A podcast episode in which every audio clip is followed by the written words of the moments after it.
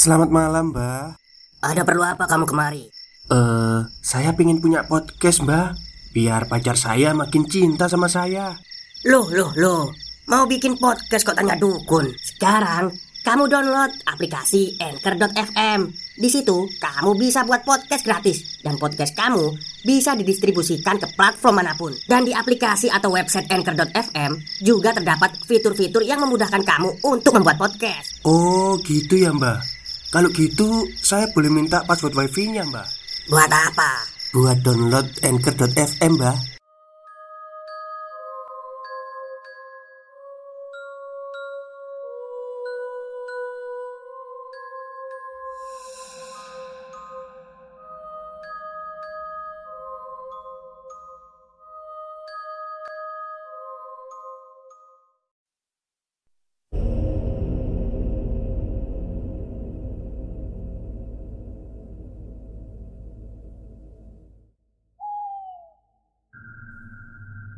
Assalamualaikum warahmatullahi wabarakatuh. Halo semuanya Jumpa lagi dengan saya Chow Sing Sing Kurator dari podcast Horror Night Story. Halo apa kabar semuanya? Semoga kalian semua sehat-sehat ya. Dan selamat merayakan Idul Adha bagi yang merayakan ya. Dan pesan saya jangan makan sate banyak-banyak nanti darah tinggi. Karena kalau udah usia 30 ya 30 ke atas itu harus jaga-jaga makanan lah. Jangan ngawur kalau makan. Oke Seperti biasanya pada siang hari ini saya kembali Dan membawakan sebuah kisah mistis untuk anda semua. Kisah mistis kali ini saya datangkan dari tweet twitternya Mas Bristory yang menceritakan tentang pengalamannya saat melakukan perjalanan pulang mengantarkan ponakannya ke rumah. Seperti apa kisahnya? Mari kita simak.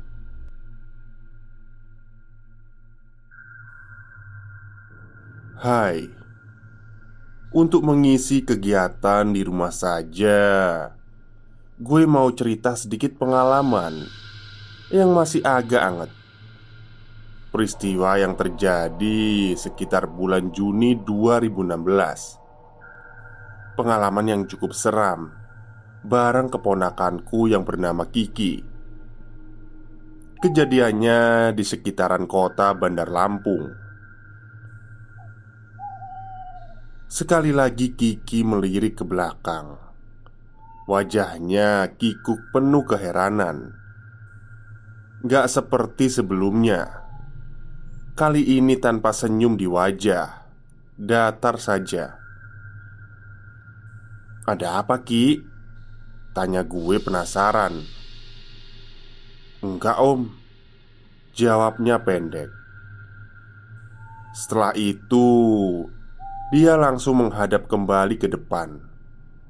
Melihat ke jalan Dan gue Yang duduk di belakang kemudi mengendalikan mobil kepunyaan Kak Herman, kakak sepupu gue, ayah kandungnya Kiki. Hanya ada gue dan Kiki di mobil ini. Kami berdua menyusuri jalan aspal, membelah perkebunan karet menuju daerah kecil yang bernama Bergen, satu tempat di daerah Lampung. Sudah nyaris jam 12 malam ketika gue terus berkonsentrasi penuh melihat depan. Jalan gelap tanpa penerangan sama sekali. Cahaya hanya bersumber dari lampu mobil yang kami tumpangi ini. Hujan turun deras juga, menambah sempurna keadaan. Jarak pandang jadi semakin pendek Jarang sekali ada kendaraan melintas dari arah berlawanan. Juga sama sekali nggak ada yang datang dari arah belakang. Hanya hitam gelap yang terlihat ketika gue melirik kaca spion dalam. Dari manakah kami? Gue dan Kiki dalam perjalanan pulang dari kota Bandar Lampung Siang tadi kami menghadiri prosesi pemakaman. Pemakamannya siapa? Subuh dini hari sebelumnya, Kak Herman, kakak sepupu gue, ayahnya Kiki, meninggal dunia karena kecelakaan. Motornya bertabrakan dengan bis lintas Sumatera. Almarhum meninggal di tempat kejadian dengan kondisi tubuh yang sangat mengenaskan. Kak Herman meninggal di usia 41 tahun. Meninggalkan istri dan dua orang anak. Satu perempuan berumur 11 tahun dan satu lagi anak laki-laki Hampir 7 tahun. Kiki namanya. Anak pintar yang sedang duduk di sebelah gue ini Berita ini sangat mengagetkan Langsung menyebar ke seluruh keluarga besar semua langsung terkejut dan bersedih. Setelah mendengar kabar duka, semuanya langsung bergegas menuju rumah duka di Bergen, Provinsi Lampung. Sama, gue juga. Ketika paginya mendengar kabar itu, gue langsung berangkat. Tapi karena berpikir nggak akan keburu kalau harus ke rumah duka, gue memutuskan untuk langsung menuju pemakaman keluarga di kota Bandar Lampung, tempat almarhum akan dimakamkan. Siang, sekitar jam 1 gue sampai, tepat sebelum jenazah dikuburkan. Nyari seluruh keluarga besar hadir. Kiki dan Kikan kakaknya terberdiri paling depan, tepat di sisi liang lahat. Ibunya memeluk mereka dari belakang. Dengan mata sembab masih berurai air mata. Kiki kelihatan tegar. Gak ada air mata di wajahnya. Namun gak ada senyum juga. Datar. Tapi Tiba-tiba senyumnya mengembang setelah melihat gue yang berdiri berseberangan Lalu Gue melambaikan tangan Tersenyum juga. Prosesi pemakaman seperti yang kita semua tahu. Situasi dan hawanya sangat sedih Dan tidak enak.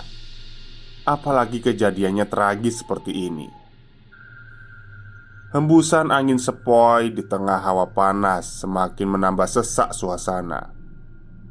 Aura sedih dan seduh sedan menjadi satu Kami menunduk Kami bersedih memaksa diri untuk ikhlas dan menerima semuanya.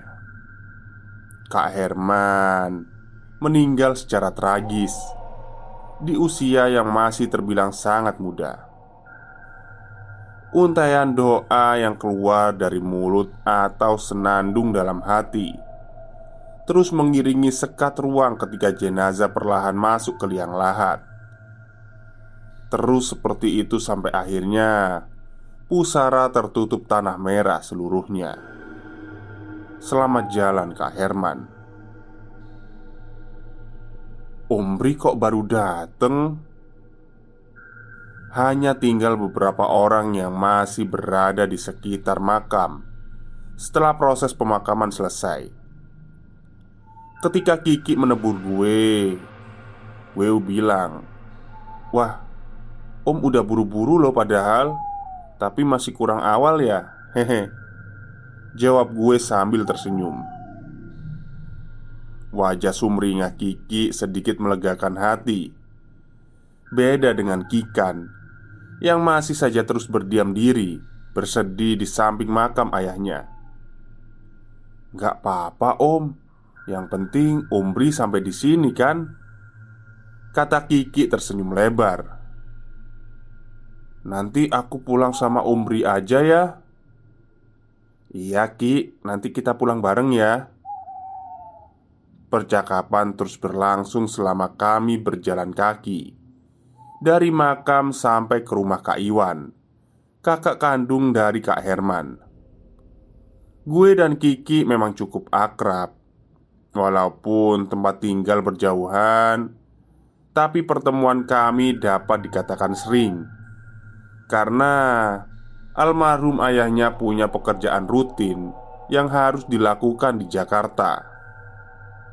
Kiki sendiri sering sekali ikut ayahnya ke Jakarta dan menginap di rumah gue. Bri, kamu nanti sama Kiki pakai mobil Kak Herman aja ya. Kakak pulang duluan bareng Kikan. Kiki belum mau pulang tuh, masih mau main sama kawannya katanya. Kak Warni bilang begitu. Beliau adalah istri dari almarhum, ibunya Kiki. Kami keluarga besar berkumpul terlebih dahulu di rumah Kak Iwan sebelum pulang ke rumah masing-masing. Di rumah inilah Kiki bertemu dengan banyak saudara-saudara sebaya. Riang gembira dia bermain, sejenak melupakan rasa sedih ditinggal ayahnya yang tercinta. Kiki bilang, dia baru mau akan pulang setelah maghrib nanti, dan gue akan menuruti keinginannya. Tapi apa yang terjadi kemudian? Ternyata selesai maghrib Kiki malah ketiduran Akibat kelelahan bermain sore harinya. Ya sudah Bri. Biarin aja Kiki tidur. Besok pagi aja kalian pulang. Begitu Kak Iwan bilang di sela-sela kami makan malam. Iya kak. Besok pagi aja kami pulang. Jawab gue pendek. Tapi rencana tinggal rencana. Beberapa saat selepas jam 9 Kiki bangun dari tidurnya. Dia bersikeras untuk minta pulang. Pokoknya Kiki mau pulang om. Mau sama mama. Begitu dia bilang. Iya iya iya kita pulang sekarang. Tapi kamu makan dulu ya. Gue bilang begitu Setelahnya Kiki lahap memakan makanan yang ada di meja makannya Serius? Kamu mau jalan ke Bergen malam-malam gini, Bri? Tanya Kak Iwan Ya gimana lagi, Kak? Kiki maksa pulang tuh Lagi pula deket ini Dua jam juga udah sampai Jawab gue Begitulah Hampir jam 10 malam akhirnya gue dan Kiki meninggalkan rumah Kak Iwan Menuju wilayah kecil bernama Bergen. Dan ternyata ketika masih belum terlalu jauh berjalan Hujan turun begitu deras. Cukup menambah suasana menjadi agak seram. Jarak dari rumah Kak Iwan menuju Bergen ini sebenarnya nggak terlalu jauh hanya sekitar dua jam perjalanan, tapi wilayahnya masih tergolong sepi. Beberapa bagian sangat sepi malah. Pemandangan kanan kiri hanya perkebunan karet dengan pohon yang berdiri cukup rapat satu sama lain. Pada waktu itu, di siang hari, wilayah ini masih sangat sepi di beberapa bagian. Walaupun jalanan sudah lebar dan bagus, tapi tetap saja sepi. Apalagi malam hari, nyaris gelap total tanpa penerangan jalan sama sekali. Tapi, apa mau dikata, gue harus menuju rumah Kiki malam itu juga. Menembus gelapnya malam di bawah guyuran air hujan Sekali lagi, Kiki melirik ke belakang. Wajahnya Kikuk penuh keheranan. Gak seperti sebelumnya. Kali ini tanpa senyum di wajah, datar saja. "Ada apa, Ki?" tanya gue penasaran. Stop, stop, kita break sebentar. Jadi, gimana? Kalian pengen punya podcast seperti saya? Jangan pakai dukun, pakai anchor. Download sekarang juga gratis. Enggak, Om. Jawabnya pendek. Setelah itu, dia langsung menghadap ke depan, melihat ke jalan. kami sudah memasuki wilayah perkebunan karet. Penerangan sangat minim, nyaris gelap total. Ditambah lagi hujan yang turun semakin deras. Untungnya, kira-kira setengah jam lagi kami akan sampai. Tapi ada yang aneh dengan Kiki. Setengah perjalanan pertama, dia begitu ceria kami berbincang seru tentang apa saja Sampai akhirnya Ketika mulai melintas di jalan sepi dan gelap Kiki mulai diam. Awalnya gue pikir dia udah ngantuk lagi Tapi ternyata bukan. Seperti ada yang menarik perhatian dia di kursi belakang. Gue perhatikan. Beberapa kali Kiki menoleh ke belakang. Malah terkadang seperti sedang mencoba mengintip dari tempat duduknya. Sepertinya benar-benar ada yang menarik perhatiannya. Setelah itu, dia kembali menghadap depan tanpa senyum. Wajahnya datar, seperti bingung bercampur takut. Sekali lagi, ingin memastikan. Gue bertanya sekali lagi, "Ada apa sih, Ki?" Kamu kenapa? Kiki masih diam. Sementara di luar sana, suasananya semakin gelap di bawah guyuran hujan. Semakin sepi, semakin seram, dan menambah cekam. Sepertinya benar, ada sesuatu di kursi belakang yang menarik perhatian si Kiki. Perhitungan gue, sekitar 15 menit lagi kami akan sampai di tempat tujuan. Bukan perjalanan yang lama, seharusnya hanya sebentar, kan? Tapi kenyataannya, 15 menit itu menjadi waktu yang sangat lama buat kami. Ketika Kiki akhirnya mulai mau berbicara, "Om, Bapak udah meninggal kan? Bapak tadi siang udah dikubur kan ya?" Tanya Kiki dengan suaranya Iya Ki Bapak udah meninggal. Kan tadi kita lihat penguburannya. Jawab gue sambil memaksa diri untuk tetap tenang. Karena gue tahu Akan ke mana arah pembicaraan Kiki ini menuju. Kenapa emangnya Ki? Kok nanyanya gitu sih? Kiki mendekatkan tubuhnya Mendekat ke gue. Lalu dia berkata sambil berbisik Ada bapak om di kursi belakang. Dia duduk di belakang. Mendengar itu Bulu kuduk gue berdiri merinding. Terhenyak gue mendengar bisikan si Kiki. Gue gak menjawab apa-apa Karena beberapa saat muncul dari kejauhan kendaraan yang mendekat. Sinar lampunya semakin lama semakin terang, sampai akhirnya kami berpapasan. Ketika berpapasan inilah sekelebat cahaya lampu mobil itu menerangi mobil gue. Saat itulah akhirnya gue dapat melihat sekilas melalui kaca spion melihat situasi di kursi belakang.